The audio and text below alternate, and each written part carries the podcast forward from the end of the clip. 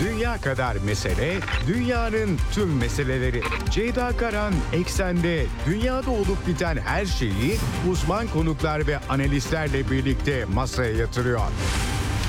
Dünyadaki meseleleri merak edenlerin programı Ceyda Karan'la Eksen hafta içi her gün saat 16'da Radyo Sputnik'te. Ceyda Karan'la Eksen başlıyor.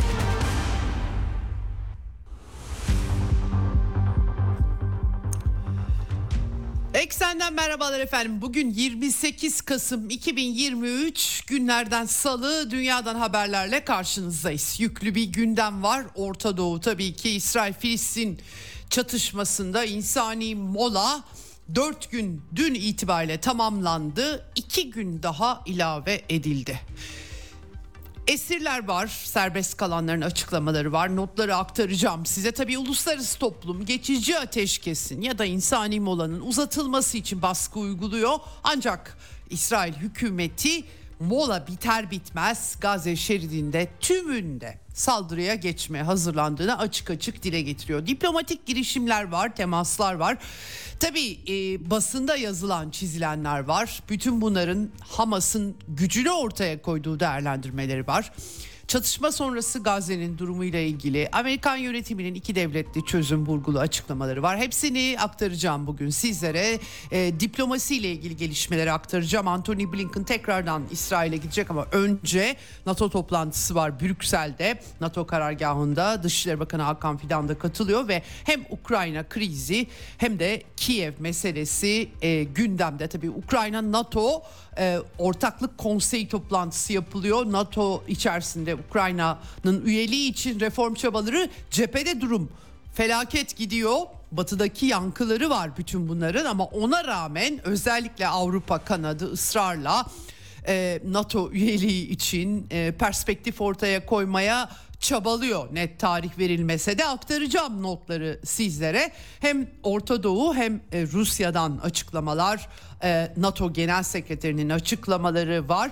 E, Moskova'da Primakov okumaları, Primakov Forumu deniyor. Uluslararası 2015 tarihinde hayatını yitiren eski Rus diplomatı, Sovyet diplomatı ee, önemli mesajlar bu çerçevede verildi. Bu konuya önümüzdeki e, yarın e, daha detaylı bakmaya çalışacağım. E, bu toplantıya katılan e, bir Türk e, e, akademisyen Profesör Hasan Ünal'la konuşacağız yarın ama bugün de ben notları aktarmaya çalışacağım. Ukrayna sahasında aynı zamanda Donbas'ta, cephede ve Kiev'de siyasi kapışmalar gerçekten dikkat çekici gelişmeler var. Ee, Almanya'dan aynı şekilde bütün bunların bedelleri çıkıyor Avrupa'ya. Ee, notları da aktarmaya çalışacağım sizlere. Her ne kadar Orta Doğu gündemimizin çoğunu kaplasa da gerçekten çok çarpıcı gelişmeler var. Avrupa'da, Polonya'da hükümet kurulmaya çalışılıyor. Eski hükümet kurabilecek mi belli değil. iki haftaları var. Ee, av, e, ekonomik olarak Avrupa'da sıkıntılı bir resim var. E, bunların hepsini aktarmaya çalışacağım e, sizlere. Evet e, progr- program konuğum ise bugün e, Doktor Ali Serim e, Orta Doğu Avrasya Asya Pasifik platformu ODAP kurucu üyesi konuğum kısa sürede kendisinin çalıştığı nedeniyle kayıt yapmak durumunda kaldım. Programın son bölümünde de kayıttan devam edeceğiz. E, dikkat çekici Gazze ateşkesi ile ilgili değerlendirmeler yaptı kendisi. E, bunu da aktarayım. Hemen e, frekanslarımızı tekrar edelim başlamadan. İstanbul'dan 97.8, Ankara'dan 96.2, İzmir 91, Bursa 101.4 ve Kocaeli 90.2. Karasal yayın frekansları bunlar. Bunun dışında Sputnik Türkiye'nin web sitesi, cep telefonu uygulaması, Türkiye'nin her yerinden bizi dinlemeniz için e, kolaylıkla erişebileceğiniz kaynaklar. Ama Telegram hesabı en kolay e, yerlerden biri varsa Telegram hesabınız Radyo Sputnik'e katılmanız bizi hem canlı yayında dinlemeniz hem de daha sonra kayıtları dinleyebilmeniz için yeterli diyelim ve başlayalım eksene. Dünya kadar mesele, dünyanın tüm meseleleri. Ceyda Karan Eksen'de dünyada olup biten her şeyi uzman konuklar ve analistlerle birlikte masaya yatırıyor. Dünyadaki meseleleri merak edenlerin programı Ceyda Karan'la Eksen hafta içi her gün saat 16'da Radyo Sputnik'te.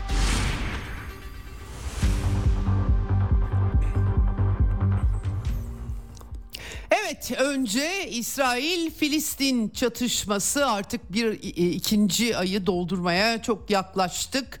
Gazze şeridinde can kaybı sayısı 16 bin, e, yaralı sayısı 36 binle ifade ediliyor. E, tabii 4 günlük insani mola biraz daha can kayıplarını önlemiş gözüküyor ama Öte yandan da salı verilen takas edilen rehinelerin karşısında Filistin, hapisa, e, Filistin esirler İsrail hapishanelerinde bunların yerlerini yenilerinin aldığını görüyoruz. Çünkü Batı Şeria'da da gözaltıları İsrail ordusu devam ediyor, ettiriyor.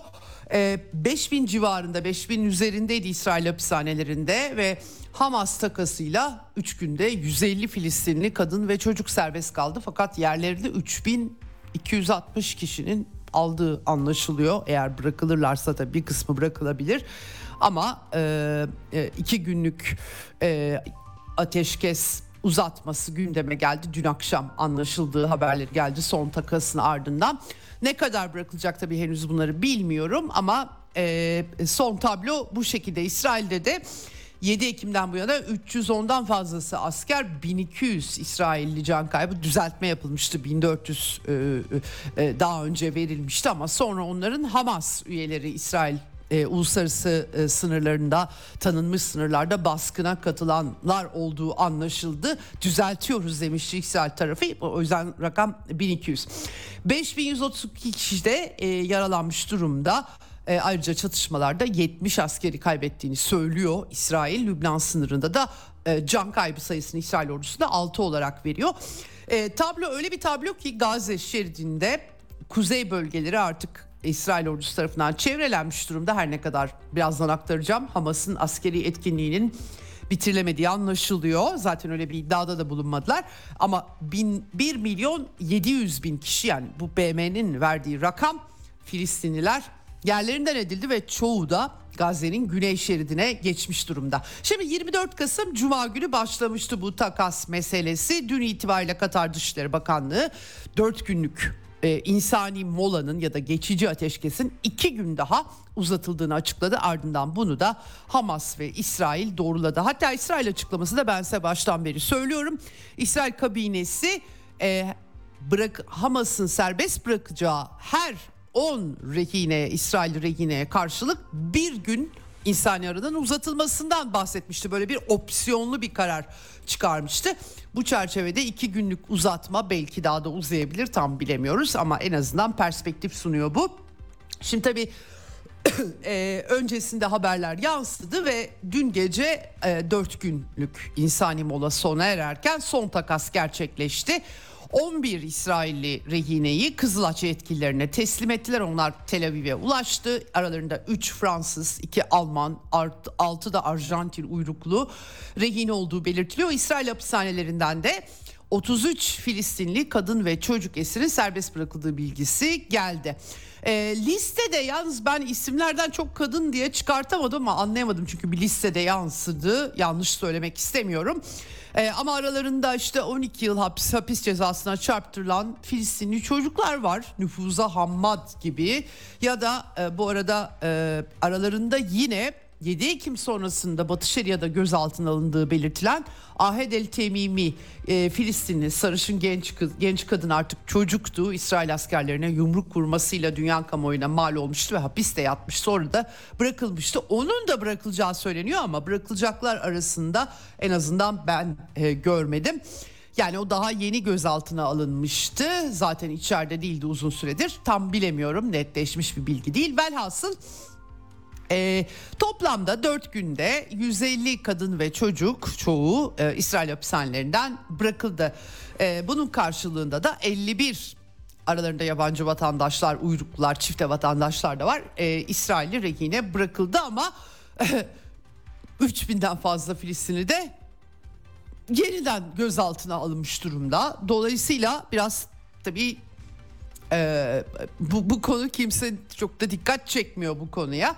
Tanıklıklar var. Tabii gerçekten çok dramatik. Yıllardır çocuklara bu şekilde ağır hapishane koşullarında tutmak onların sadece radikalleşmesini sağlıyor ve Maalesef bu kriz gösterdi ki İsrail hapishane bir kez daha gösterdi ki diyelim İsrail hapishanelerinde çok sayıda çocuk var. Ee, bu yani İsrail için de çok hayırlı bir, bir şey değil doğrusunu söylemek gerekirse. Medyaya konuşmamaları tehditleri aldığını söyleyen Filistinliler var. Ama daha çarpıcı tanıklıklar dün e, sosyal medyadan da yayınlanıyor. Serbest bırakılanlar Batı Şeria'ya götürülüyor. Orada bırakılıyor ama e, asıl tabii İsrail medyasına yansıyanlar her ne kadar çok rehineler konuşmadıysa şimdiye kadar yakınları aracılığıyla televizyonlarda yayınlar yapılıyor. Bunlardan birinde çok çarpıcı görüntüler, e, anlatımlar oldu. Bir tane rehine e, başlarına geleni anlatırken e, bir tünele e, e, kaçıldıklarında e, Hamas tarafından tünele konulduğunu ve bir anda kapının açıldığını bir yerde tutuluyorlar. Sakallı bir adam göründüğünü, aksansız mükemmel bir İbranice ile kendileriyle konuştuğunu. Merhaba ben Yahya Sin var. Burada en çok korunan sizsiniz. Hiçbir şey olmayacak size dediğini, güvence verdiğini aktarmış. Yahya Sin var. Tabii Kassam Tugaylarının askeri şefi. Önemli bir isim bu krizde. Ee, tabii dikkat çekici e, veda görüntüleri var. El sallama görüntüleri var. Filistinli e, Hamaslı olmayabilir tabii. Filistin Kurtuluş Örgütü El Aksa'dan olabilirler. Ee, yani FKÖ bağlantılı gruplar olabilirler bilemiyorum hangileri ama veda ediyorlar. Tabii şunu biliyoruz e, Hamas'ın e, Filistinli gruplarla baskın yaptığı bölgeler İsrail'de daha çok solcuların yaşadığı onlara kalsa sınır kapılarının açılması ve barış isteyen kitle oradaki kibutslar ben de dolaştığım için bir parça biliyorum oradaki hissiyatı. Dolayısıyla belki daha e, bu, bu da etkili bir şey olmuş olabilir. Bir de bir Daniele isimli bir İsrail rehinenin mektubunu yayınlamışlar İbranice'den Arapçaya tercüme edip El, e, El Kassam Tugayları Hamas'ın askeri kanadı ve orada nazik ve kibar davrandıkları için teşekkür ediyor. Tabii İsrail'in Filistinli e, tutuklulara davranış biçiminin bu kadar kibar olmadığını herkes görüyor. Bu da çok e, ayrıca dikkat çekici belirtmem gerekiyor. İzlediğim görüntülerden edindiğim kanaat naçizane. Şimdi tabii İsrailler Hamas saldırısında unutmuyorlar. Bunu da beklemek gerek, belirtmek gerekiyor. Şimdi e, yardımlarla ilgili tabii yakıt sevkiyatı da yapıldı dendi ama bunun yetersizliğinden bahsediliyor. E, hastaneler almadı deniliyor. E, bu arada Şifa Hastanesi meşhur diyaliz bölümü yeniden açılmış ama bir takım doktorlar İsrail'in alıkoyması sonucu e, nerede tutulduklarını da bilmiyoruz. Özellikle Şifa Hastanesi'nin müdürü de alınmış. 45 gün uzatıldı diye de doktorları tutuyor İsrail elinde tabii. Ateşkes ihlalleri var sınırda ölenler olduğu söyleniyor. Kuzeye geçenlere yasak koymuştu İsrail belki oradan kaynaklanmış olabilir. Ama tabii ki ihlal ihlal nihayetinde. Ee, Mısır'a Filistinli direniş gruplarından çağrı yapıldı. Mümkün olduğunca fazla yaralı alın diye. Ve uluslararası toplum tabii BM Genel Sekreteri Antonio Guterres tam bir insani ateşkes çağrısı yaptı. İnsani arayla e, 7 haftadır korkunç boyutları bulaşan çatışmanın en azından tabii dünyayı da şok etti. 4 gündür silahların sustuğunu, rehinelerin bir kısmının esirlerin bırakıldığını e, katkılarından ötürü Katar, Mısır ve ABD'ye de teşekkürü ikmal etmeyerek dile getirmiş ama 1.7 milyon insan yerinden edildi. E, dolayısıyla uzlaşmaya yol açan bu diyalog devam ettirilmeli ve kalıcı bir ateşkes sağlanmalı. Ayrıca zaten çatışma kendisi korkunç iki devletli çözüm e, ülkeler nüfuzlarını kullansınlar dedi. Dünya Sağlık Örgütü tabii doğal olarak hastanelerle ilgili kaygılıydı. Genel Direktör Etiyopyalı diplomat Gebreyesus kendi hesabından X hesabından açıklama yaptı. İnsani e, ara savaşın e, sesini azalttı dedi ve daha fazlasına ihtiyaç var. Tek yanıt kalıcı ateşkestir dedi. E, sağlık hizmetleri açısından değerlendirme yapmış kendisi.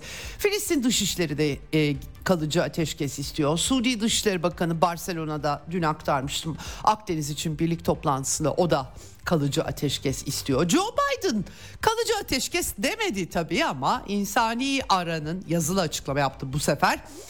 Yoğun çaba sarf ettikleri ve insani aranın masumların acılarını bir süre dindirdiği e, sonuna kadar faydalandık. İşte Filistin halkı için barış ve onurlu gelecek inşa etme çabaları ama tabii kalıcı ateşkes meselesi yok Amerikan açıklamalarında. Anthony Blinken tekrar bölgeye gidecek ama önce NATO Dışişleri Bakanları toplantısı var Brüksel'de. E, oradan İsrail'e gidecek e, ve e, Ramallah'ta Abbas'la da görüşebileceği düşünülüyor. Daha önce görüşememişti e, ilk gidişinde. E, bakıcı bakıyoruz ne olacak ne bitecek tabii Amerikan diplomasisi Hamas'ın işinin bitirilmesi temasından vazgeçmiş değil bunun altını çizmek gerekiyor.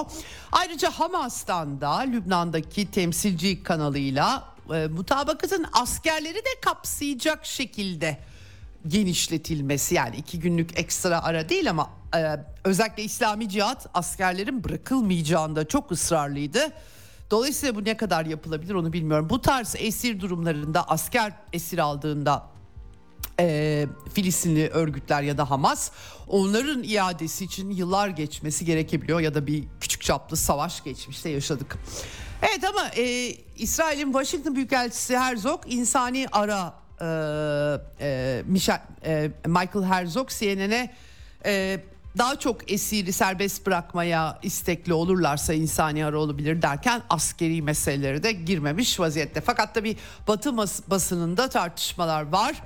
Hamas'ın İsrail'in tüm baskılarına, ağır bombardımanına ve kara harekatına rağmen e, İsrail ordusunun e, düşündüğünün ötesine geçtiği, sahada komuta kontrolü yitirmediği vurgusunu yapmış e, bu e, Mariv gazetesi pardon bu Batı medyası değil İsrail gazeteleri de tabii e, yazıyorlar. Washington Post tünel ağı düşündüğümüzden daha karmaşık diye yazıyor. Herkes söylüyordu bunu. Yahya Sinvar'la ilgili e, eski istihbarat yetkililerinden, şeflerinden İsrail'in bizimle acımasızca alay etti diye e, lafları var. İsrail medyası tabii daha açık bir tartışma platformu da sağlıyor. Böyle laflar işitilebiliyor. E, ama İsrail kanalı e, e, İsrail 24 diyor ki e, Hamas Filistinliler arasında güç ve saygınlık kazandı. Gerçek de zaferi kazandı demiş. Evet e, tabii e, Burada rahatsızlıklar da var. Yedio Aharonot gazetesi aynı zamanda ateşkesin İsrail ordusuna zarar verdiğini ve e, devam edecek operasyonlar için sıkıntılı resim çizdiğini de e, yazmış. Bilemiyorum ne olacak ama İsrail Savunma Bakanı Yoav Galant İsrail askerlerini ziyaret etti. İnsani ara biter bitmez daha şiddetli ve tüm bölge öyle dedi. Saldırılar daha şiddetli olacak ve tüm Gazze şeridinde. E, o zaman bu insani molada biraz nefes alan e, insanlar güneye çekilmiş 1.7 milyon insan ne yapacak? Hakikaten çok sıkıntılı gözüküyor. E, Galant tabii baskı altında nereye gitsem şunu duyuyorum. E, hani e, görev bitecek falan kaygıları tabii özellikle İsrail sağında öne çıkıyor. İşimiz bitene kadar durmayacağız hazırlık yapıyoruz e, bize faydalanarak. Hamas da aynısını yapıyor dedi. Böyle bir durum var ve İsrail medyasında aslında Gazze'de e, kara harekatı ile birlikte binden fazla askerin yaralandığı iddiaları var. Tabii bu çok büyük bir rakam. Kimileri bundan bahsediyordu daha önce. E, böyle bir çerçeve var. Bir de Elon Musk faktörü eklendi. Dün bir kısım aktarmıştım çünkü eksen yayını sırasında yeni geliyordu, yeni düşüyordu görüntüler. İsrail Cumhurbaşkanı ile ve Başbakan Netanyahu ile görüştü. E, kibutslardan birine gitti baskını yaşayan varlıklı iş insanı e, kimi rehinelerle buluştu. E, burada işte e, tabii onlara ona insani baskın sırasındaki insani dram aktarıldı. O da yani insanların öldürüldüğü yerleri görmek duygusal e, bir zorluk yaratıyor tabii. İşte e, bence Hamas'ı kastedip sivilleri öldürmekte ısrar ediyorlar. O zaman başka seçenek yok. Fikirlerini değiştiremeyecekler çünkü. Eğitim lazım, katil nesiller yetiştirmemek lazım gibi cümleler kurdu. Tabii büyük tepki çekti. Gazze'ye de git diye e, bir takım görüntüler, beşik görüntüleri içinde kurşunlar bulunan ama beşikte bir şey yok yani bilemiyorum tabii bir büyük bir de baskın oldu orada 1200 kişinin ölmesi bunların bir kısmı İsrail ordusu sebebiyet verse bile az bir şey değil. Yine tabii ki şöyle bir sıkıntı var. Herkes tabii Elon Musk'tan kahraman olmasını istiyor. Starlink'i Gazze'nin kuzeyinde iletişim kesildiğinde açmaktan bahsedince bu sefer İsrail lobisi Amerika'da baskı uyguluyor. Boykot kampanyaları yapılıyor e, Elon Musk'ın şirketlerine. Ya böyle varlıklı iş insanları zaten ne yapabilirler ki? Onlar üzerinden bir e, analiz yapmak da saçma aslında ama tabii Velhasıl e, Visit Gaza diye hashtag Gazze'yi ziyaret et diye hashtag açıldı. E, o da inş, insan e, yeniden inşaya yardım edeceğini mali olarak e, söylemiş İsrail'de. Böyle bir Elon Musk vakası işin içine girdi. Şimdi tabii İsrail'de ne oluyor? Gazze operasyonundan sonra Netanyahu'nun sandığa gitmeyi planladığı haberleri var. Likud kaynaklarıyla görüşüyor, durumu analiz etmeye çalışıyor diyorlar. Görülmemiş bir e, bütçe, 8 milyar dolarlık savaş bütçesi onaylandı İsrail'de savaş kabinesi onaylandı. Aslında Benny Gantz gibi muhalif isimler kabineye katılan bunlar karşı çıkmışlar. Hatta muhalefetin de destek vermediği anlaşılıyor ama ek bütçe çıkartıldı ki yani e, e, İsrail Merkez Bankası savaşın maliyetinin 50 milyar doları bulabileceğini söylüyor. Faiz oranlarını e, sabit tuttular. İsrail tabii büyük bir ekonomi, yüksek teknolojili bir ekonomi, kolay kolay çökecek bir ekonomi değil. Ama 50 milyar dolar da az bir para değil hakikaten. Hatta 54 milyar dolar diye 200 milyar şekerlik bir bütçe. Ee, tabii işin e, Gazze çatışması dışında bir de kuzeyi var bölgesel çalışma riski yaratan e, özellikle e, yeni havan topu saldırıları bilgileri Lübnan'dan geliyor. İsrail ordusu Genelkurmay Başkanı e, Herze Halevi e, savaşlar önceki gibi olmayacak Lübnan sınırı gibi öngörülerde bulunuyor. Kehanet diyelim. Her kimse çünkü savaşı yaymak istemez görünümünde. E, ama tabii e, şimdiden Amerika caydırıcı güç olarak Orta Doğu'da İran'a mesajlar veriliyor. İki uçak gemisi grubu en son USS Eisenhower e, Hürmüz'den Körfez'e geçiş yaptı. Bir nevi İran'a mesaj ama İran da Amerika'ya mesajlar veriyor. E, hakikaten dikkat çekici çünkü e, İran Devrim Muhafızları Deniz Kuvvetleri Komutanı Ali Rıza Tanksiri'nin İran'daki toplantılar sırasındaki açıklamaları yansıdı. Dediğine bakılırsa e, USS Eisenhower Hürmüz Boğazı'ndan geçmeden önce Farsça iletişim kurmuş İran'la e, gemi mürettebatı ve yani adeta bizim onayımızı alarak Körfez'e girdi. Zaten İHA'larımız gözetliyor diye bir açıklama yaptı. Bu da İran'ın mesajı gibi belki değerlendirebilir. Ee, Amerikan gemilerinin rasyonel hareket etmeleri gerektiğini çünkü füze menzillerinde olduğunu da söylemeyi ihmal etmemiş vaziyette. Ee, tabii İran donanmasını güçlendirmek toplantıları var, var dini lider Hamane ile ve bu bağlamda bir de donanma dışında hava kuvvetleri ki Tasnim Ajansı Rusya ve İran arasında 20 yılın en büyük anlaşmasından bahsediyor. Rus yapımı S-35 savaş uçakları Su-35 ve Mi ve Mi-28 saldırı helikopterlerinin aynı aynı aynı zamanda Yak 130 jet eğitim uçaklarının da İran'a satışı için anlaşmaların tamamlandığını aktarmışlar. Tabi Şah döneminden Amerikan uçakları onların yerel e, e, üretimleri de vardı ya da güncellemeleri ama e, Rusya'dan bir askeri destek gibi gözüküyor. Bu arada dün aktardım size kim yaptı bilmiyorum demiştim. Haklı çıktım. Şimdi Yemen'deki Husiler Aden Körfezi'nde Galaxy Leader gemisi İsrail'le bir zengine ait olduğu ya da bir şekilde hissesi bulunan ele geçirmişlerdi. Güvertede de nargile içmişti Husiler. Görüntüler sosyal medyada yayılmıştı. Sonra hafta sonu Central Park isimli yine İsrail bağlantılı olduğu söylenen bir başka tankeri Husilerin ele geçirmeye çalıştı ama Pentagon tarafından püskürtüldüğü CENTCOM da öyle açıklamayı yapmıştı. Ben emin olamadığımı söylemiştim. Bu, çünkü e, USS Mason sonra da oraya füzeler atıldığı ama isabet etmediği Husiler tarafından. Ee, Amerika efendim 5 e, kişiyi yakaladık sorguya çektik derken Husilerin yaptığını adeta kastederek ima ederek diyelim bir açıklama yapmıştı. Geri adım attılar. Onlar Husiler değilmiş. Zaten e, Yemen'deki Ensarullah hareketi de biz böyle bir şey yapmıyoruz. Biz e, geminin e, yani gemiye alıkoymak için biz çık- çıkartma yapmadık. E, biz e, sadece İsrail ile ilgili bağlantılı Siyonistlerle bağlantılı gemileri hedef alıyoruz diye açıklama yaptı. Böyle füze fırlatıldığı iddialarını da yalanladı bu arada e, siyasi büro üyesi Abdülmelik El Akri hesabından yayınlamış bunları. E, dolayısıyla Yemenliler doğrucu söylüyor çıktılar. Büyük olasılıkla Somalili korsanlar olabilir tabii e, ama bir süre daha tartışma yaratacak bu Amerikalıların geri adım açıklamasını vurgulamak lazım. Evet e, bunun dışında e, Şam havaalanını yine vurdu. İsrail aktarmıştım dün. Maria Zaharova Rusya Dışişleri Sözcüsü açıklama yapmış. E, 12 Ekim'de vurulmuştu. Pist onarıldı. Şimdi tekrardan vuruldu ve bölge için tehlikeli sonuçlar yaratabilir. E, egemenlik hakları, uluslararası hukuk, provokatif saldırı vurgusu yapmış. İsrail'in kötü niyetli eylemlerinin durumun keskin bir biçimde kötüye gitmesine yol açabileceği tehlikeli olduğu uyarısı da yapmış. Bakalım belki bu uyarı bir daha vurulmamasını sağlar mı bilemiyorum. Tabii e, Rusya'dan harekete geçmesini bekleyenler de var bu bağlamda ama e, Orta Doğu'da dengeler düşünüldüğü zaman Rusya'nın daha temkinli bir tutum takındığını e, e, dikkate e, almak gerekiyor başından beri.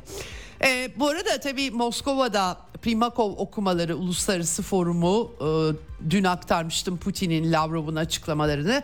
Devlet Başkanı Yardımcısı Yuri Ushakov da açıklama yapmış ve e, aslında biraz tabii NATO genişlemesi, Primakov'un e, bütün olacakları öngörmesi Ukrayna'da, Orta Doğu'da aslında Amerikan politikalarının sonucu bu akut kriz diye değerlendirme yapmış. Hamas'ı yok etmekle İsrail'in güvenliği sağlanamaz vurgusu yapmış ve bölgedeki tehlikenin de devam ettiğini de dile getirmiş vaziyette.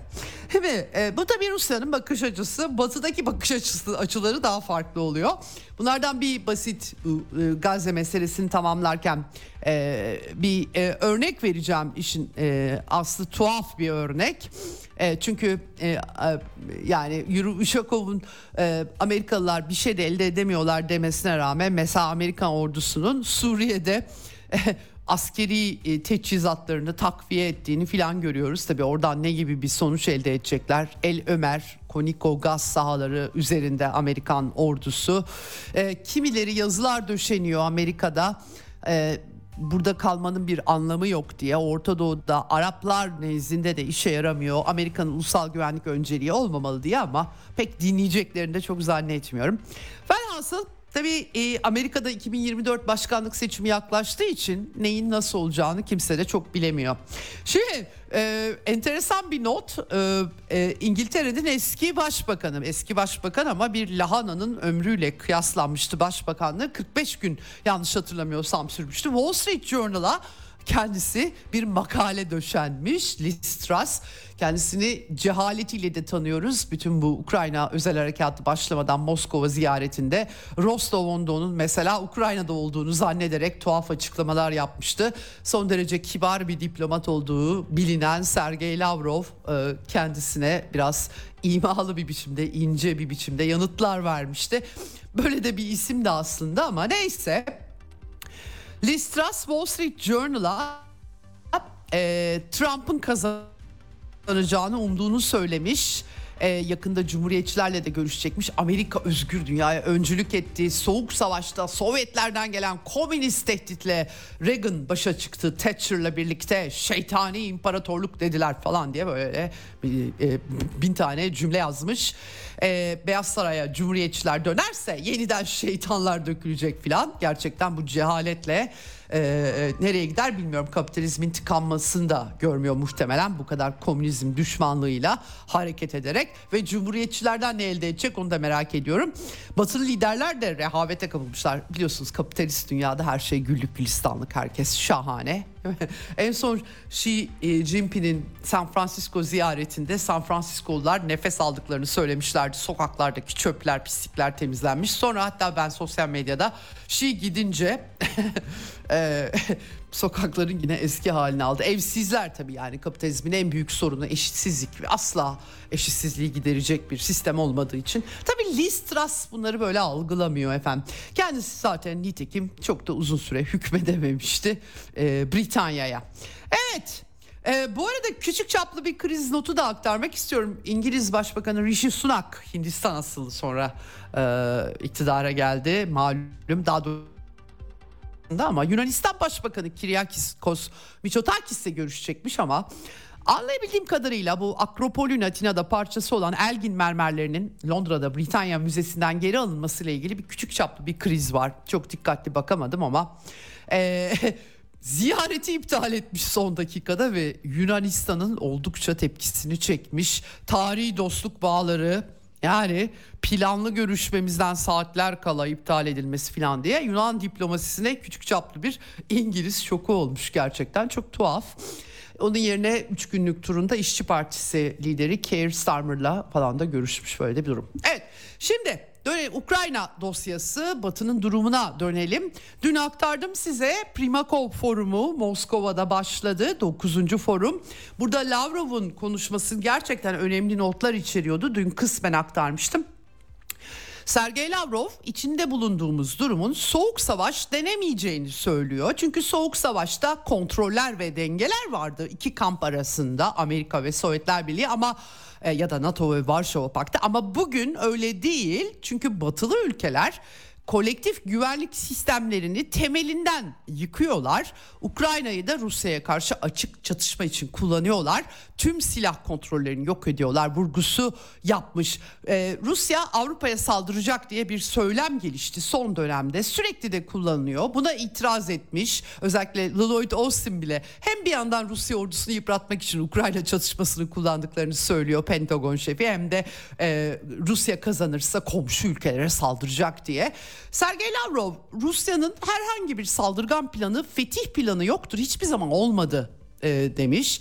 Bir te, e, kendilerini savunma temelli hareket ettiklerini, NATO'nun kendilerini çevrelediklerini e, söylemiş ve e, e, dalga da geçmiş biraz tabii. E, bir 6 kişilik e, bir e, işte sivil önce öyle ortaya atılmıştı. Ukraynalı birisi, bir adam, iş adamı.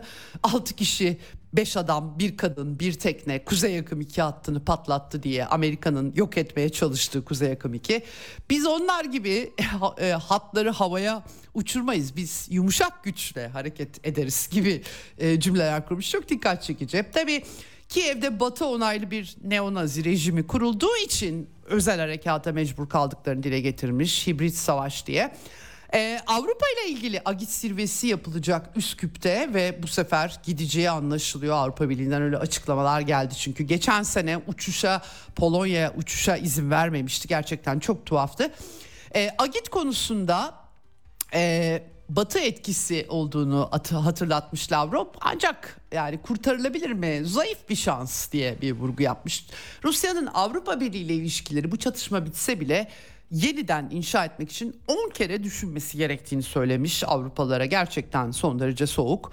Ee, güvenilir ve pazarlık edilebilir mi onlar? Sözleri tutmuyorlar. Tıpkı Minsk anlaşmasındaki gibi Ukrayna'yı silahlandırmak için yeni bir süreç istedikleri yansıyor Batı medyasına. Hani güvenilir değiller demiş. Tabii küresel çoğunluk Batı'nın e, adımlarına izin vermeyecek özellikle Y20'de. E, zaten de dolarizasyon süreci var. Hindistan, Çin, BRICS e, dönem başkanlığını üstlenecek Rusya ve e, genişleme olacak. Ortak para birimi vurgularını da eksik etmedi. Şimdi Avrupa Birliği Komisyonu'ndan da Üsküp'teki Agit zirvesine Sergey Lavrov eğer gitmek isterse e, daveti kabul ederse e, yaptırımlar var çünkü engellenmeyeceğini açıkça komisyon sözcüsü de bu hafta 31 30 Kasım 1 Aralık'ta Peter Stano komisyon sözcüsü dile getirmiş durumda. Bakalım ne olacak? E, Perdar e, bu Üsküp toplantısına tabii Anthony Blinken de katılacak. Tam böyle Gerçi Amerikalılar yalanladılar ama Bild gazetesinin Amerika ve Almanya'nın Ukrayna'ya sadece saldırı silahları vereceği, e, e, çatışmayı savunmaya çekilmesi böyle bir rota izlediği açık zaten artık. izlemeye çalıştıkları ya da e, bir yandan Amerikalılar e, Ruslarla bir görüşme süreci yaparlar mı? Amerikalılar yapabilirler belki de tabii ki e, kendi özel durumları Biden'ın şahsi savaşı olmasına rağmen ama Avrupalılar bu iş karşısında ne yaparlar onu çok bilemiyorum doğrusunu söylemek gerekirse. Şimdi Ukrayna'da sahada işler hiç iyi gitmiyor.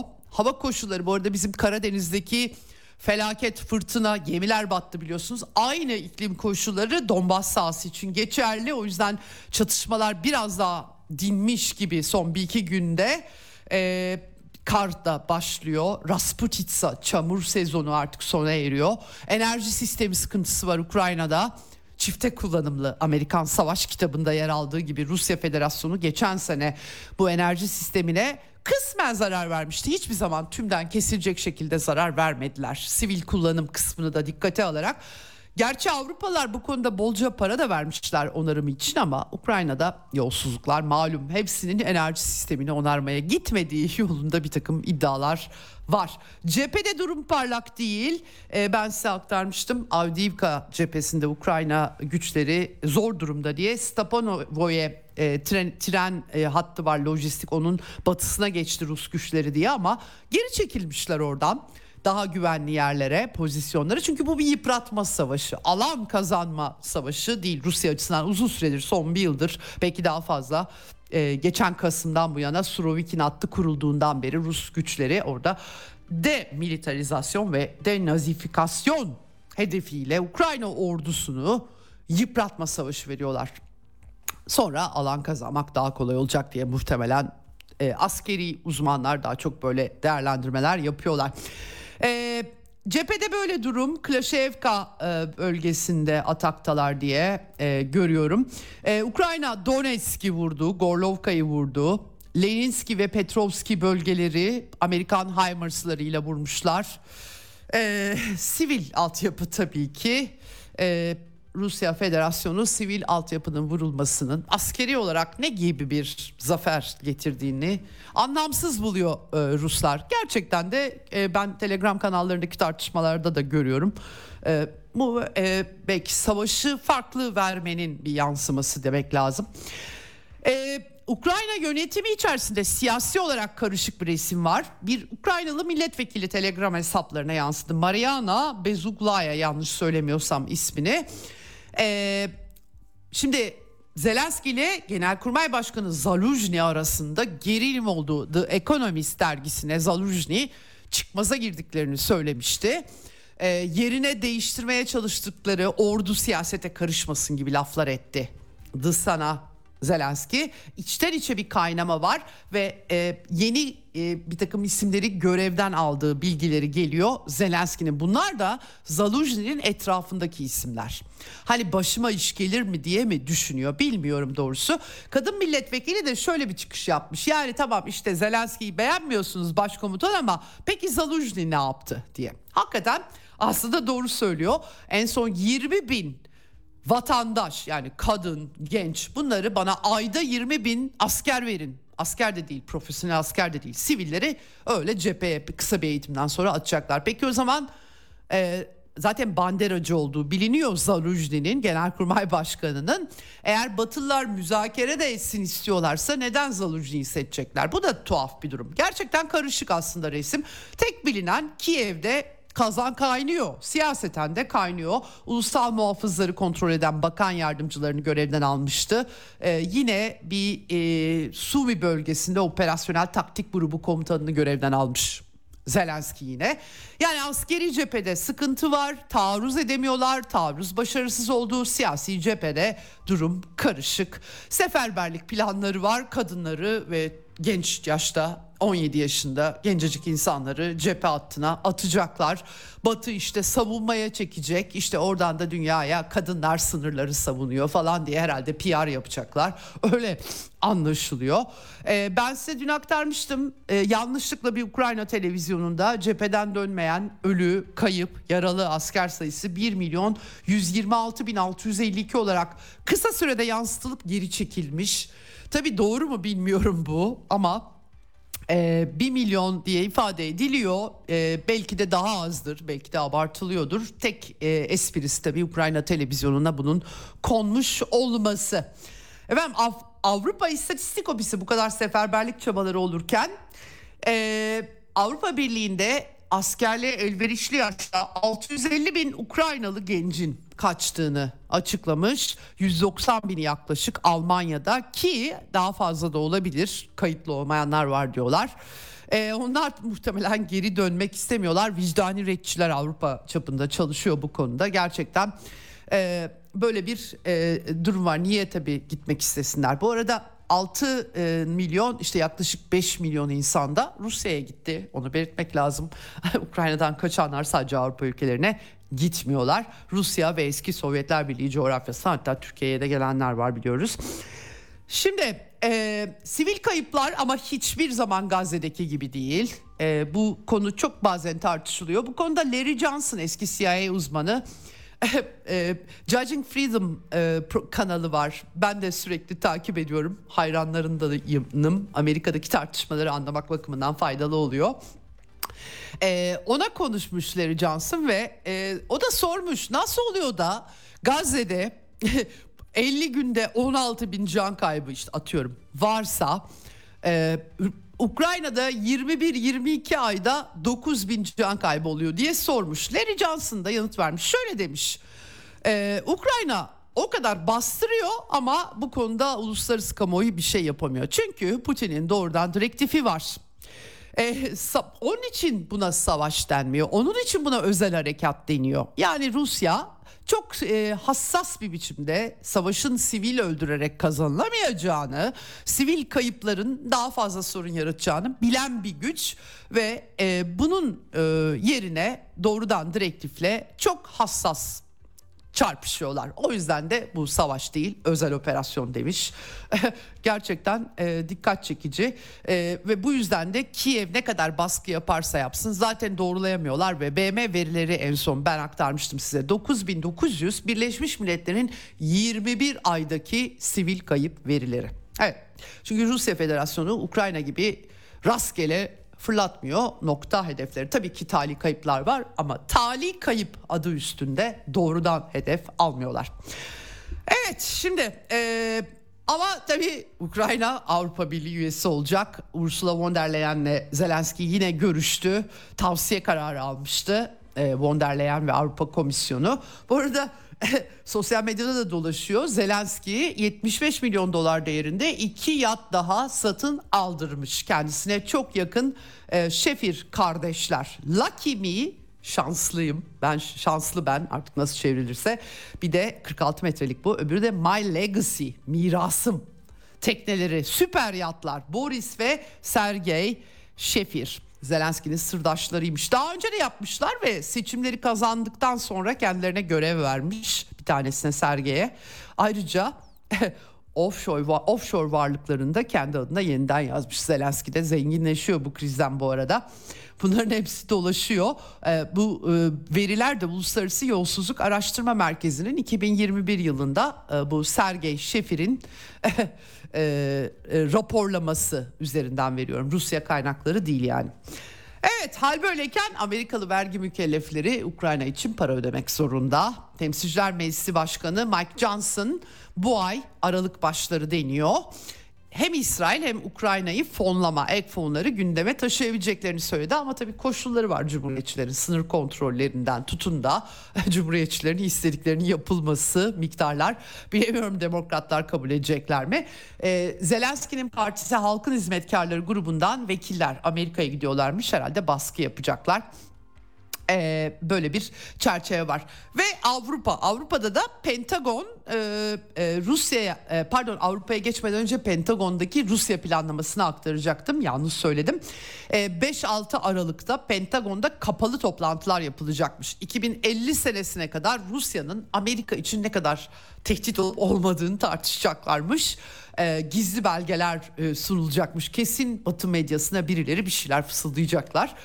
ne kadar doğruluğu e, doğru olduğu tartışmalı tabii ama e, Rusya'nın ne büyük bir tehdit olup olmadığını değerlendireceklermiş tabii. E, Genelkurmay Başkanı Charles Brown yeni yeni başkan ve Avrupa Kuvvetleri Komutanı Christopher Cavoli de katılacakmış bu toplantıya. Dikkat çekici. Hemen öncesinde Bildin haberini yalanladı Amerikalılar. Yani Almanya ve ABD'nin Ukrayna'ya müzakereye otur baskısı yaptığı ya da savunmaya çekil baskısı yaptığını. Biz söylemedik ki zaten müzakereye Ukraynalılar kendileri karar verirler. Yani gerçekten artık kargaların bile güleceği açıklama ama Amerikalılar bunu diplomatik bir şey gibi sunuyorlar. Yani Aa, biz hiçbir şey yapmıyoruz Ukraynalıların kararı o diye.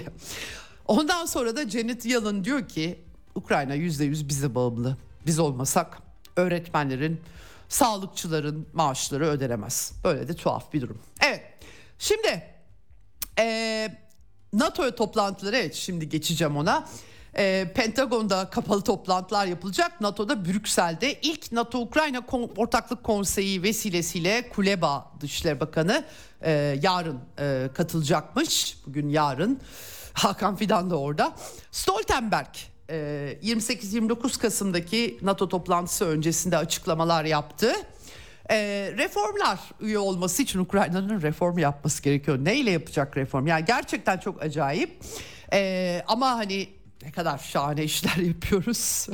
Yardıma devam edeceğiz. Ağır kayıplar var diyor Stoltenberg. Yoğun çatışmalar görüyoruz cephe hattında. Özellikle doğuda. Başka nerede olacak? Doğuda zaten Donbas'ta savaş. Çünkü çekildi Rusya güçleri. Mart ayında anlaşma olacak diye en son e, Ukraynalı heyetin e, başındaki isim bile itiraf etti. Boris Johnson geldi engelledi diye söyledi kendisi. Neyse Donbas'ta çatışmalar çok zor. Ön hat değişmedi kayıplar görüyoruz diye. Rusya'yı asla hafife almayın demiş aynı zamanda kendisi. Sanayileri askeri moda aktarıldı. Orduya mühimmat teçhizat tedarik edebiliyorlar. Ee, ama askeri, siyasi, ekonomik açıdan zayıf bize göre. Çok güzel. Bu bir şey değiştirmiyor yalnız. Ee, tabii e, Ukrayna NATO'ya yaklaştı mı diye Macar kanalı sormuş özel olarak katılım için tarih vermemiş. Böyle bir çerçeve. Niçin yapıyorlar bunu? Yani acaba hakikaten insan aklına düşüyor. Ee, zorluklar, problemler, mermi yok, kendileri tartışıyor. Herhalde Avrupalıların ödü kopuyor. Acaba Amerikalılar çaktırmadan bizi bu hale getirdikten sonra Rusya ile masaya falan oturtmaya Kiev'i kalkışırlar mı yoksa biz açıkta kalırız diye mi düşünüyorlar? Gerçekten çok acayip. Ee, e, çözemiyorum doğrusunu söylemek gerekirse. Yani tek bildiğim Amerika'daki neokonların özellikle Ukrayna asıllı olanlar tamamen e, yani hırsla baktıkları olaya e, ve irrasyonel oldukları. O yüzden Amerika'dan bu kadar gerçekçi bir bakış beklemek de çok zor. İşte e, Richard Haas gibi, Haas gibi isimler e, yapmaya çalışıyorlar ama onlar da son tahlilde bir takım gerçeklikleri teslim etseler de çok akıllıca öneriler de getiremiyorlar. Evet şimdi bu arada ben geçen hafta hafiflemişim biraz herhalde. Yani yan askeri konularda uzman da değilim. Ee, NATO askeri Schengen planları yapıyor diye haberi aktarmıştım size. Kremlin'den bu konuda dün e, vaktim olmadı. NATO müşterek destek etkinleştirme komutan komutanı Alexander Solfrank yapmıştı bu açıklamayı. Schengen politikası gibi ya askerler istedikleri gibi gidecekler personel teçhizatta ulaşacak diye Dimitri Peskov itiraz etmiş buna ve Avrupa'da gerginliği tırmandırdığını söylemiş. Rusya'nın çekincelerini dikkate almıyor, güvenlik ilkesini hiçe sayıyor. Ee, yani tabii biz NATO'nun altyapısına ilerlemiyoruz. Siz bizim dibimize geliyorsunuz demiş. Rusya'nın hoşuna gitmemiş bu Schengen. Ben şöyle küçümsemiştim yani ne olacak zaten gönderiyorlar bu krizin başından beri e, Doğu Avrupa'ya daha fazla konuşlandı diye ama tabii Rusya bunu güvenliğine daha büyük bir kaygı olarak algılıyor. Böyle rahatlıkla teçhizatın sağa sola gönderilmesine. Yunanistan'la savunma anlaşmaları buna yaradı. Malum Yunanistan Amerikan üssü haline dönüştürüldü Mitsotakis yönetiminde. Evet bir de tabii Türkiye'si var. Artık İsveç'in NATO üyeliği bir ay kaldı yıl sonuna. Stoltenberg NATO Genel Sekreteri TBMM'de görüşmeye başlandı ama henüz keskin kesinleşmedi İsveç'in onay gelmedi.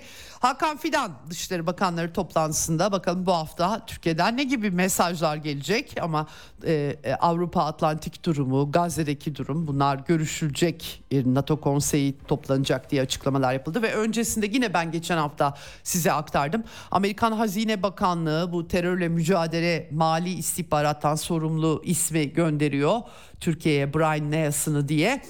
hemen Batı medyasında Financial Times'ta şöyle şu e, mealde Türkler bizim istediğimizi yapmıyorlar Rusya'ya. E, bir takım hassas e, şeyler gönderiliyor çift kullanımlı. Aslında doğrudan Rusya'ya da değil. Kazakistan, Kırgızistan, Azerbaycan, Gürcistan, Özbekistan aktarma merkezleri ama nasıl olur da Türk hükümeti Türkiye'de herhangi bir siyasi kişilik Amerika'nın yaptırımlarını delmeye cüret eder filan. o tarzda hemen önce basına tabii şey yapmışlar. Baskı uygulamak Türkiye firmalarına yaptırım uygulanacağı baskısı doğal olarak yani bunlar uluslararası hukukla alakalı değil. Amerika'nın kurallara dayalı dünyasıyla alakalı. Türkiye'yi ziyaret edecek öncesinde hemen çıktı. Dışişlerinden bir diplomatik kaynak bu tehditkar üslubu kabul etmeyeceklerini söylemiş. Provokatif haberler görüyoruz demiş. Bence çok haklı. Keşke ismini de verseymiş. Madem bu e, tehditkar üslupla Amerika Türkiye'ye davranamaz diyorlar. Bunu açıktan da söyleyebilirler. E, bu konuda hakkını teslim etmek lazım. Kim ne kadar eleştirse de Cumhurbaşkanı Erdoğan sözünü sakınmıyor. Ama uygulamaya geldiğimiz zaman tabii e, her zaman e, işler aynı yönde ilerlemiyor. Son dönemde Rusya ile Amerika arasında bu arada e, e, Türkiye arasında pek çok temas da oldu. Rusya Başbakan Yardımcısı hafta sonu e, Novak e, Karma Ekonomik Komisyonu'nun olağan toplantısı için Ankara'ya geldi ve burada da hem enerji işbirliği hem ticaret cirosu ile ilgili rakamlar da yayınlandı hakikaten. Özellikle doğal gaz merkezi çok pahalıya kullanıyoruz. Bütün bunlar yalnız bu işbirlikleri bari Türk halkının daha ucuza bunları temin etmesine yarasa. Elektrik fiyatları, doğal gaz fiyatları hani e, ucuz diyorlar ama hani daha pahalı olması gerekiyor diyorlar ama yani sübvanse ediliyor. Fakat tabii ekonomi ekonomik durumumuz o kadar vahim, enflasyon o kadar vahim ki Türkiye'de sübvanse edilen elektrik ve doğalgaz sıradan vatandaşın cebini bu haliyle de yakıyor. Ee, uluslararası işbirliklerinin halkın alım gücünü arttırmaya yaramasının tabii gerektiğini belirtmek lazım. Evet.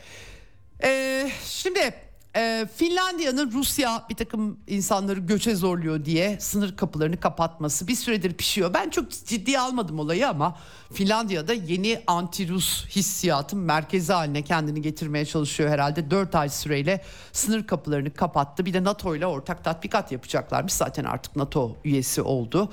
Rusya adalarının, Rusya'ya ait adaların ele geçirilmesi gibi temalar da içeriyormuş. Çok enteresan e, yeniden bir çatışma mı istiyorlar bilmiyorum. Almanya bu konuya ayrıca bakmak istiyorum çünkü Almanya'da ciddi ciddi ekonomi tartışılıyor. Olaf Scholz bugün federal mecliste konuştu. Bir e, Covid fonu 60 milyar euroluk e, Anayasa Mahkemesi'nden bunun başka bir yerde iklim kriziyle harcanması e, yüzünden bütçe krizi çıktı. Tabii her şey üst üste geldi ama Scholz diyor ki biz kimseyi zorda bırakmadık. Ukrayna'ya da 8 milyara çıkartacağız yardımı iki katına vesaire. yani bilemiyorum ee, en son e, özellikle e, Bavyera'daki eyalet başbakanı Zeder'in açıklamalarını gördüm. Hükümetin hiçbir planı yok. Almanya'yı krize sürüklediler. Ülkeyi yönetemiyorlar diye açıklama yapmış durumda. E, çok kısa aktarmıştım size dün dev Alman şirketleri anketler yapılmış Financial Times'ın haberi var. Sanayisizleşme uyarısı yapıyorlar.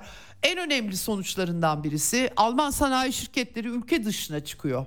Mecburen çünkü enerji fiyatları çok yüksek. Scholz'un açıklamalarına bakıyorsunuz o diyor ki e, tabii enerji fiyatları beklenmedik biçimde arttı. Çok komik yani nasıl beklenmedik biçimde artar? Kuzey Akım 2'yi patlattılar ucuz doğalgaz Rusya'dan gelen doğalgaz kesildi ve Alman hükümeti Amerikalı müttefikinin icraatlarını onayladı. İnanılır gibi değil. Beklenmedik bir biçimde artmış. Bilmiyorum kanar mı Almanlar böyle söylemlere. Gerçekten Almanya açısından çok çarpıcı e, durum ve IMF e, Almanya için büyüme beklentisini eksi 0.3'ten eksi 0.5'e düşürmüş durumda. gerçekten e, çok acayip bir resim e, çıkıyor e, Almanya'dan önümüze. E, vaktim azalıyor. Polonya'da da e, Morawiecki liderliğinde hükümeti kurmaya çalışıyor. Hukuk ve Adalet Partisi ama 15 Ekim seçimlerinde istediği çoğunluğu elde edemedi. İki haftalık süresi var ve çok büyük olasılıkla liberal Donald Tusk yeniden iktidara gelecek Polonya'da. Ukrayna ile kapışmalar arasında acaba nasıl bir Polonya göreceğiz? O da ayrı bir soru. Evet şimdi Ee, çok kısa süre önce kayıt yaptık Doktor Ali Semin'le. Ee, o kaydı yayınlıyoruz. Gazze ateşkesi kalıcı olur mu? Kim kazandı? Nedir durum? Kendisiyle konuştuk.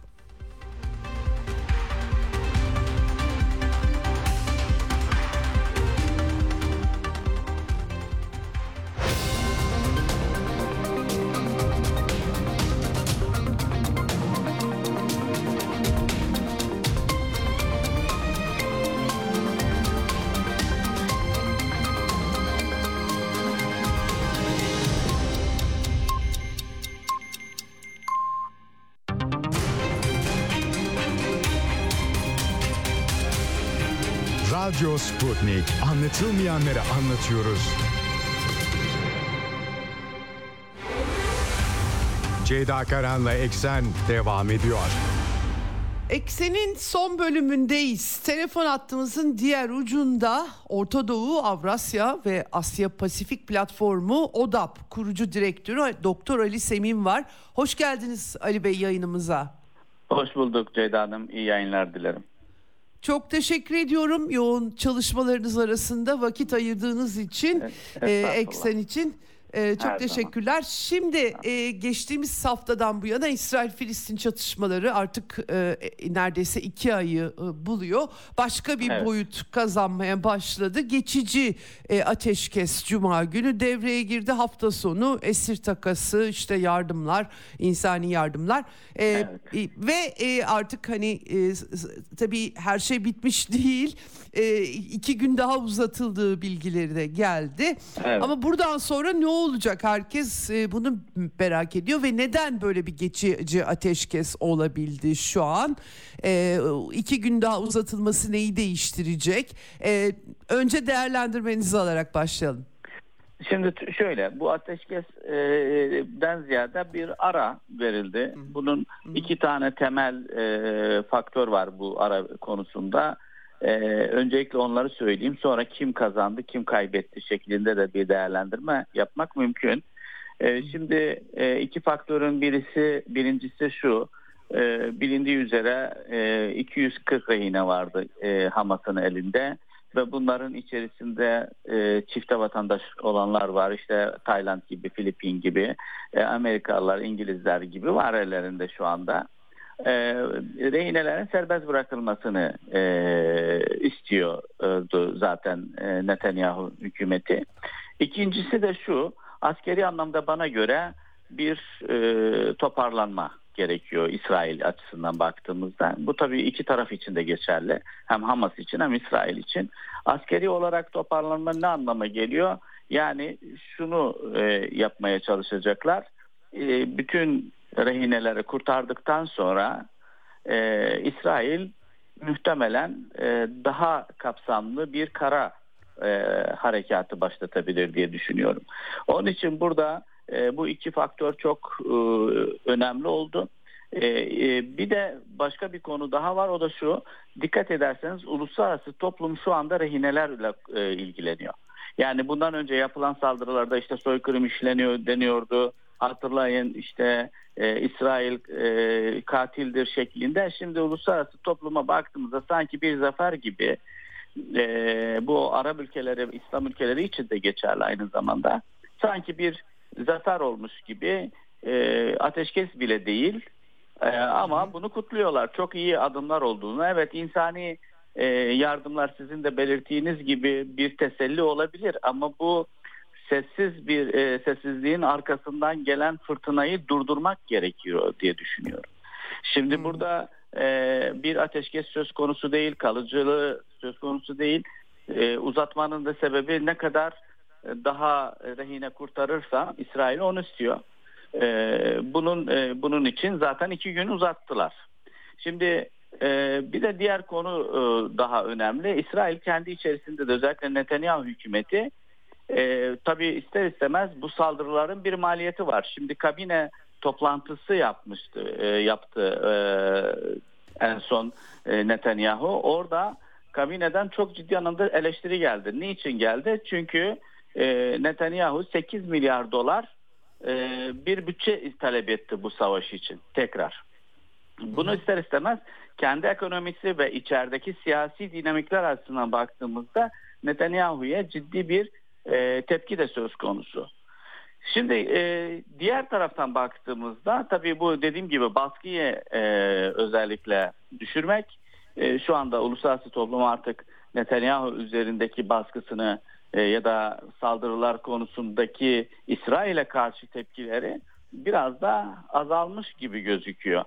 E, onun için bu e, rehine meselesindeki anlaşma ki bu anlaşma da e, şüpheli biliyorsunuz. Çünkü iki taraf arasında istihbarat birimleri dışında yani Mossad e, Mossad'ın CIA'nin dışında böyle doğrudan bir görüşme söz konusu değil e, İsrail ile Hamas arasında.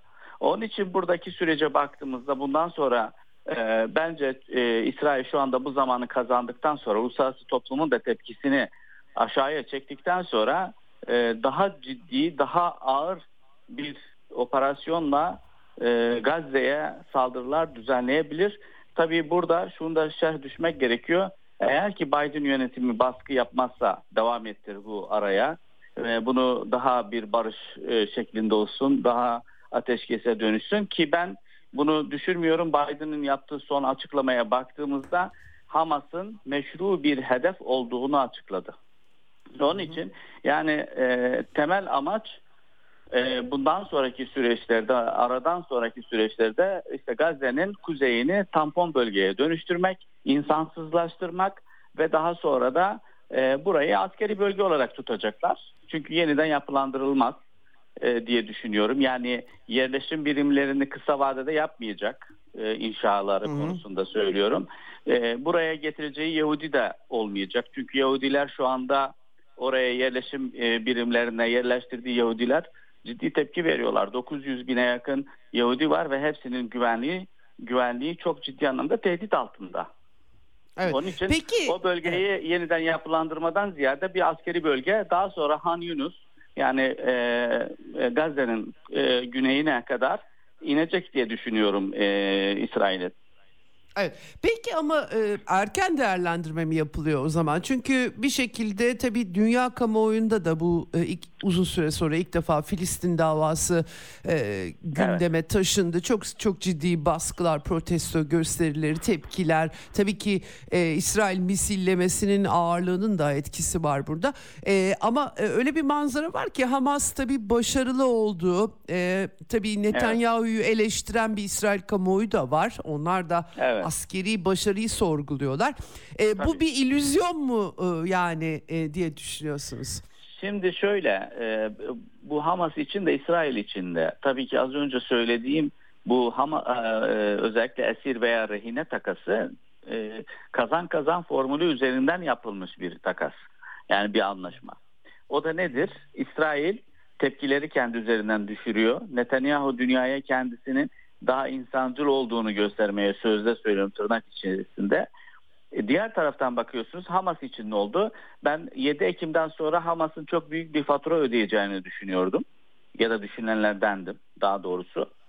Ee, ancak bu e, esir takası Filistinlerin e, serbest bırakılması... Anlaşılmadı. Tekrar edebilir misiniz? Hamas için? E, Hamas için daha önce 7 Ekim'den sonra bu takas yapılana kadar, takas anlaşması yapılana kadar ben Hamas'ın büyük e, fatura ödeyeceğini, bedel ödeyeceğini düşünüyordum. Çünkü Filistin kamuoyu içerisinde de kamuoyu içerisinde de çok ciddi anlamda e, tepkiye yol açmıştı Hamas. Yani biz Türkiye'de Türk medyasında şunu konuşuyorduk işte Hamas'ı daha çok farklı boyutta e, ele alıyorduk ama bir de Filistin kamuoyu yani İsrail kamuoyu tepkisi kadar Filistin içerisinde de tepkilerinin olduğunu göz ardı etmememiz gerekiyor diye düşünüyorum. Onun için e, bu formül kazan kazan formülü yani e, esir takası, rehine takası anlaşmasından sonra benim gördüğüm kadarıyla e, Hamas şimdi toparladı. Çünkü çıkanlar, hapishanelerden çıkanlar Hamas'ı kahraman olarak görmeye başladı. Bu Hamas'ın elini güçlendirecek diye düşünüyorum önümüzdeki güç, e, e, günlerde. E, ve Hamas olmasaydı biz yine 8 yıl, 10 yıl, 15 yıl e, İsrail e, hapishanelerinde kalabilirdik diyor, diyenler var. Ben çünkü e, serbest bırakınlara bakıyorum. Canımız feda diyorlar Hamas'a. Çünkü onları Evet, serbest ama- bıraktı, ailelerine kavuştular. Ee, ama bu tabii bu kısa vadede ama uzun vadede nasıl bir sonuç e, ortaya çıkacağını e, kestirmek şu anda biraz zor gözüküyor. Evet, e, ama şu da var hakikaten e, belki trajik e, ama e, yani serbest bırakılan 150 kadın ve çocuk var şimdilik. E, daha da arada da bırakılacak be, bekleyebiliriz bir iki gün iki günlük süre içerisinde ama e, e, o süre içerisinde 3000 kişi daha gözaltına alındı. Yani buradaki zafer nedir? E, onu tam e, yani Doğru. tabii. O, o boyut da var ama dediğim gibi şimdi şöyle e, eskileri bıraktılar yenileri aldılar gibi oldu. E, bu bu durum tabii bu dediğiniz durum çok önemli. Yani bunu alması yani İsrail şunu söyleyeyim İsrail Filistin'in e, peşini bırakmayacak. Yani bugün Hamas'ı çıkarın Gazze'den yine bırakmayacak. E, şimdi Hamas sadece onlar için bir ergüman. Ergümanlaştı Hamas. Yani bunu herkes e, farkında diye düşünüyorum. Çünkü işte Hamas çekilse İsrail susar. Öyle bir şey yok. İsrail saldırılarını e, durdurur. Öyle bir şey bence yok. Çünkü gerçekten Hamas'ı çıkarsanız bile İsrail'in hedefi Gazze'nin tamamı. Bakın kuzey diye başladı. Şu anda Han Yunus'a kadar diyor ki kendileri söylüyorlar. Yani bunu İsraili yetkililer, askeri yetkililer söylüyor. Diyor ki bizim ikinci aşama e, Gazze saldırılarında Han Yunus'tur diyor. İkinci aşama. Ha- Han Yunus nerede? Güneyinde Gün- e, Gazze'nin. Ve yani burada e, gerçekten baktığımızda İsrail'i durdurmak, İsrail'in e, bu konuda geri adım atacağını düşünmek bence çok yanlış olur. Çünkü e, sadece İsrail şu anda uluslararası toplumu çok kızdırdın dendi Amerika tarafından diye düşünüyorum. Biraz e, sakin ol e, ve acımasızca saldırı düzenliyorsun. Bu da hem kendi iç kamuoyumuzda hem de dünyada tepkiye yol açıyorsun. Bu Netanyahu için söyleni- söylenen Netanyahu'ya diye düşünüyorum. Ve Netanyahu da bu saldırıları, bu savaşı kendi siyasi kariyerinin uzatılması için çok önemli bir araç olduğunu e, gördüğünden dolayı da devam ettirecek diye düşünüyorum. Ama Evet. nihayetinde şunu da belirteyim. Nihayetinde e, Netanyahu bunun sonucu ne olursa olsun ki şu anda İsrail'in e, İsrail kamuoyunun yapılan e, şeye baktığımızda anketlere yüzde 64'ü e, erken seçim istiyor. Yüzde 85'i, e, 80 84'ü pardon e, şey istiyor. Mesela diyor ki bu saldırılarda en büyük sorumlu Netanyahu'dur diyor. Yani biz şimdi Gazze odaklı olduğumuz için ama İsrail iç dinamikleri Likud Partisi'nin büyük taban e, özellikle büyük e, zarar gördüğünü bir seçim yapılırsa şu anda milletvekili sayısı 30'un da altına düşeceğini anketler e, göstermeye başladı. Onun için e, Netanyahu'nun siyasi kariyerini uzatmak adına söylüyorum bunu saldırıları devam ettirmesi gerekiyor diye düşünüyorum. Evet. Peki e, bir yandan da tabii diplomasi süreçleri var. Avrupa'da Evet. İspanya, Belçika e, baştan beri biraz daha farklı durmuşlardı zaten. Ses Evet. yükseltiyorlar. Uzun vadede de Filistin'in işine yarayacak bir takım e, görünümler ortaya çıktı diyebiliyoruz. Ama orada da şu var onu da sormak istiyorum size. E, bir de Gazze planlaması yapılıyor sanki.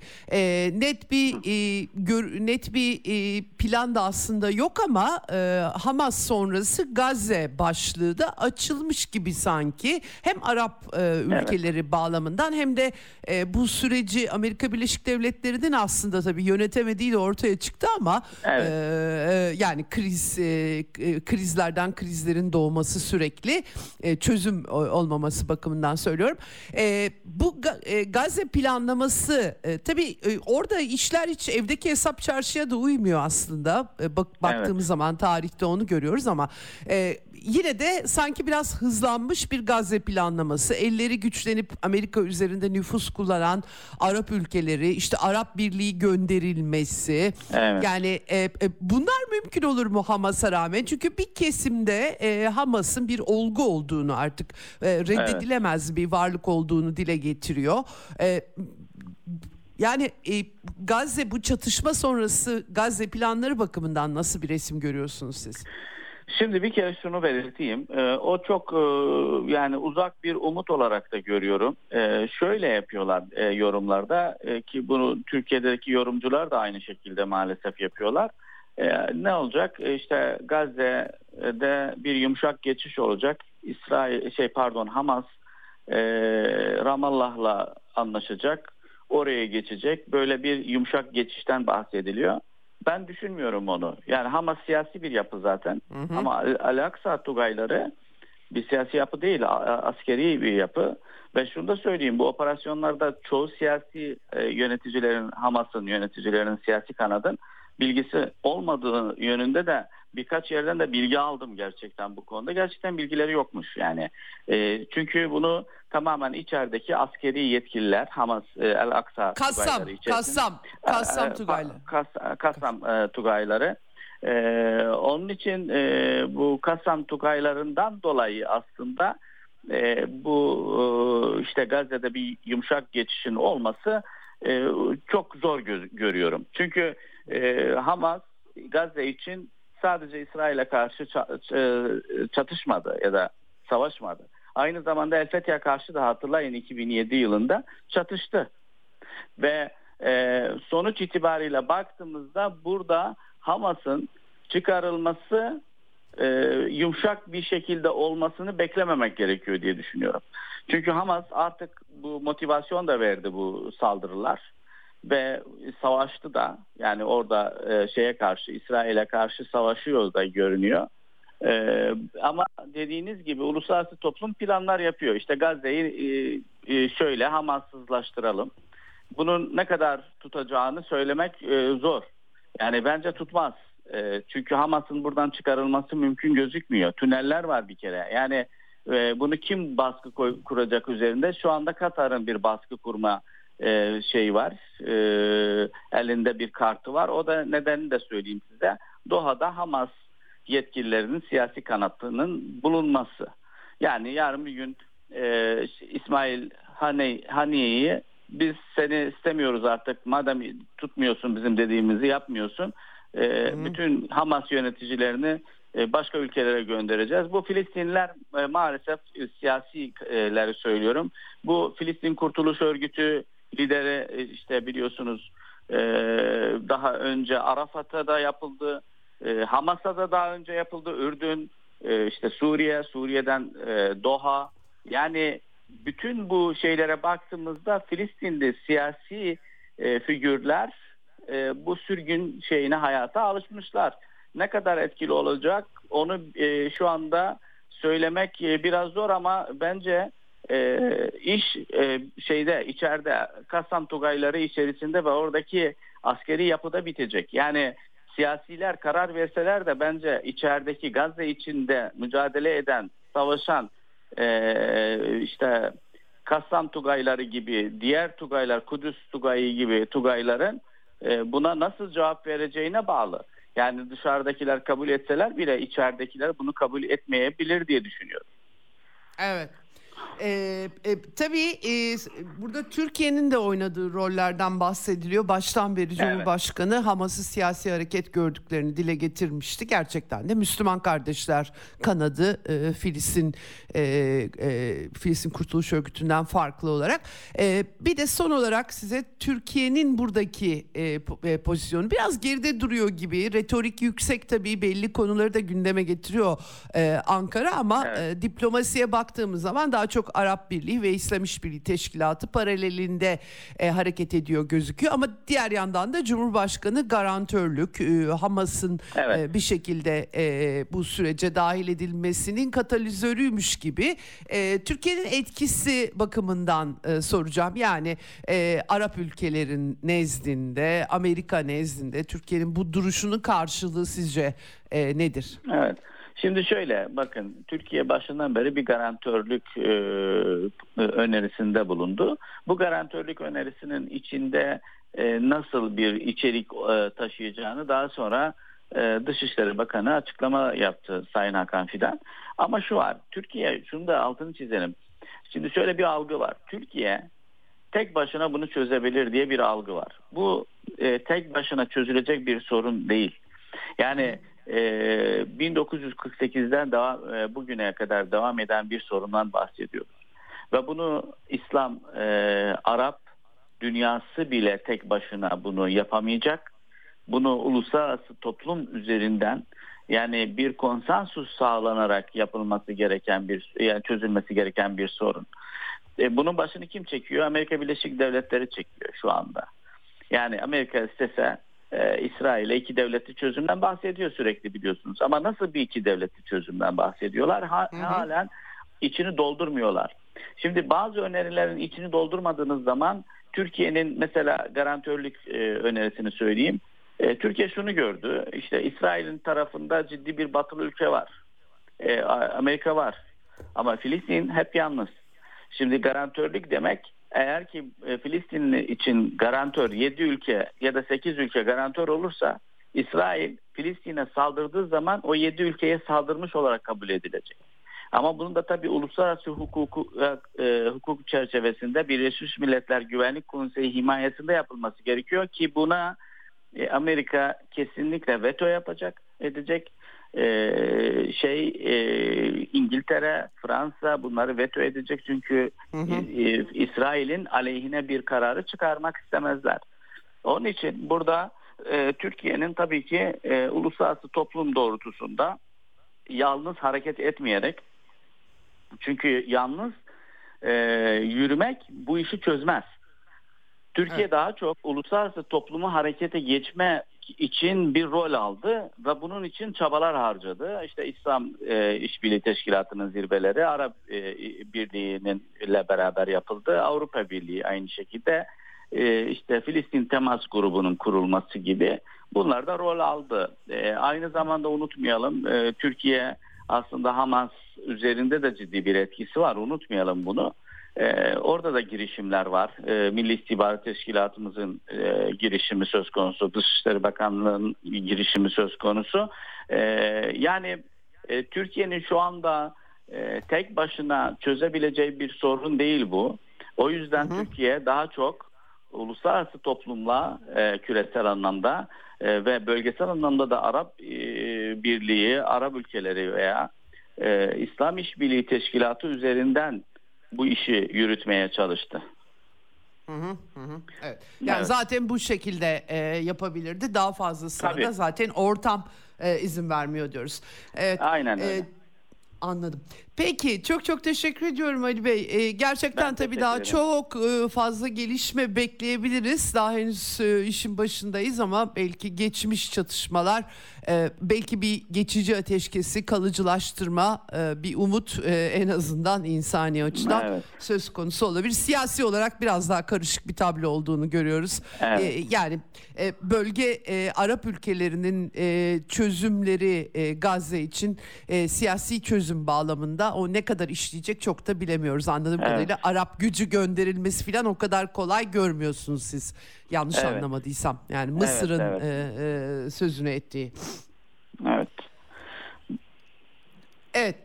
Peki çok teşekkür ediyorum. Evet. Başka eklemek istediğiniz bir şey varsa e, bir, bir... E, yani şu, şimdi şunu söyleyeyim. E, bütün çabalara bakıyoruz. Evet olumlu çabalar gibi gözüküyor ama şunu da söyleyeyim bitireyim. Ee, hiçbir çaba şu ana kadar yapılan çabalar bir kalıcı ateşkes, bir barışı getirmiyor. Onu da söyleyeyim. Ee, çünkü bunun için doğrudan girişimler gerekiyor. Maalesef hep sorunun etrafında girişimler söz konusu. Yani hem Hamas tarafı hem İsrail tarafıyla görüşerek ortak bir müzakere masasının kurulmasını e, gerekiyor. Bunu ne kadar yapılabilecek e, adım olacağını da sorarsanız tarafların gücüne bağlı diye düşünüyorum. Yani yaptırım gücülerine bağlı. Evet. Çok teşekkürler değerlendirme için. Ben teşekkür sağ ederim. Sağ olun Ceyda Hanım. İyi yayınlar dilerim. Sağ olun. Sağ olun. Evet e, gerçekten e, henüz tabii çatışmalar bitmedi. Doktor Ali Semi'nin de işaret ettiği gibi kapsamlı e, hamleler gerekiyor burada. O ne kadar yapılabilecek? Çünkü e, Hamas'la İsrail'i bu koşullarda aynı masaya oturtacak bir zemin yok. Biraz daha maalesef bu çatışmanın e, e, insani ara aşamasından sonra daha uzun daha uzayacakmış gibi bir görüntü var. Tabii bir mucize e, olmazsa e, e, o işin o kısmını da çok fazla kestiremiyoruz şu anda. Ama en azından e, bir dört günlük e, geçici ateşkes, insani mola nasıl ifade ediliyorsa bunun arkasından bir iki gün daha uzatıldı. Altı günlük bir süre var. E, tekrardan tabii e, neler olduğunu aktaracağız sizlere. İsrail'in e, bu sürenin sonunda saldırılarını genişleteceğini açıkça ifade ettiğini Doktor Ali Semin de dile getirdi. Bu hafta e, aslında çarşambadan itibaren öyle diyelim, perşembeden itibaren belki e, göreceğiz gelişmeleri. E, bugünlük eksenden bu kadar. Yarın görüşmek üzere. Hoşçakalın. Ceyda Karan'la Eksen sona erdi.